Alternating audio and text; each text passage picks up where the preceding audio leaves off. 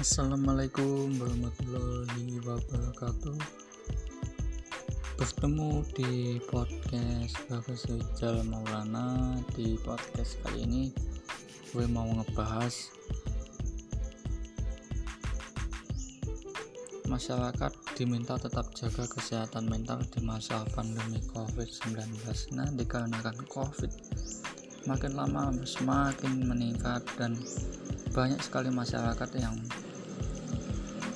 jarang mematuhi peraturan protokol kesehatan terutama dan itu membuat meningkatnya covid di berbagai daerah. Dan gue mau ngebahas itu ya Disma. Masyarakat diminta tetap menjaga kesehatan mental mereka di tengah situasi pandemi yang belum menunjukkan tanda-tanda berakhir. Kesehatan mental adalah keadaan sejahtera setiap individu dengan menyadari potensi yang dimilikinya Hal tersebut di antaranya ditandai dengan kemampuan untuk bekerja secara produktif. Kesehatan mental itu memiliki hubungan erat dengan kesehatan tubuh, termasuk dalam hal imunitas. Adanya perubahan hidup di masa pandemi sangat berpotensi menimbulkan pengaruh pada kesehatan mental, antara lain meningkatnya rasa bosan, kecemasan, maupun lelah fisik, terutama tenaga kesehatan. Ia pun meminta masyarakat memperhatikan gejala kesehatan mental yang mungkin dialami. Cemas sulit tidur lebih mudah merah, terus-menerus mencari berita negatif, sakit berlebihan berpikiran negatif, tidak bisa bekerja atau belajar dengan baik, suka tersenyum menarik diri dari lingkungan, ini merupakan tanda-tanda terjadinya stres fisiologis. Oleh karena itu, ia pun meminta masyarakat untuk terus berusaha menjaga kesehatan mentalnya dengan berbagai cara, antara lain dengan menyadari potensi diri dan sekitar dengan melakukan beberapa hal.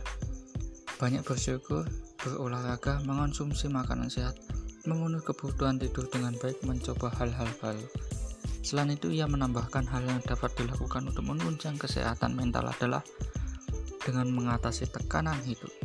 Caranya adalah dengan menerima perasaan yang ada, menerima kondisi dan mengelola perasaan tersebut untuk menjadi lebih positif dan menyadari bahwa saat ini memang bukan situasi normal.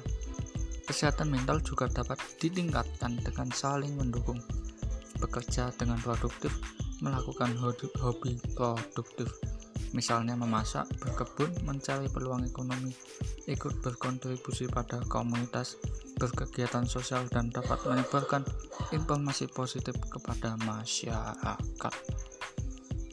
Nah, itu dia informasinya. Semoga bermanfaat dan tetap patuhi protokol kesehatan ya, teman-teman. Menjaga jarak, mencuci tangan, dan selalu menjaga kesehatan. Saya Bagas Wijal Maulana. Terima kasih. 拜拜。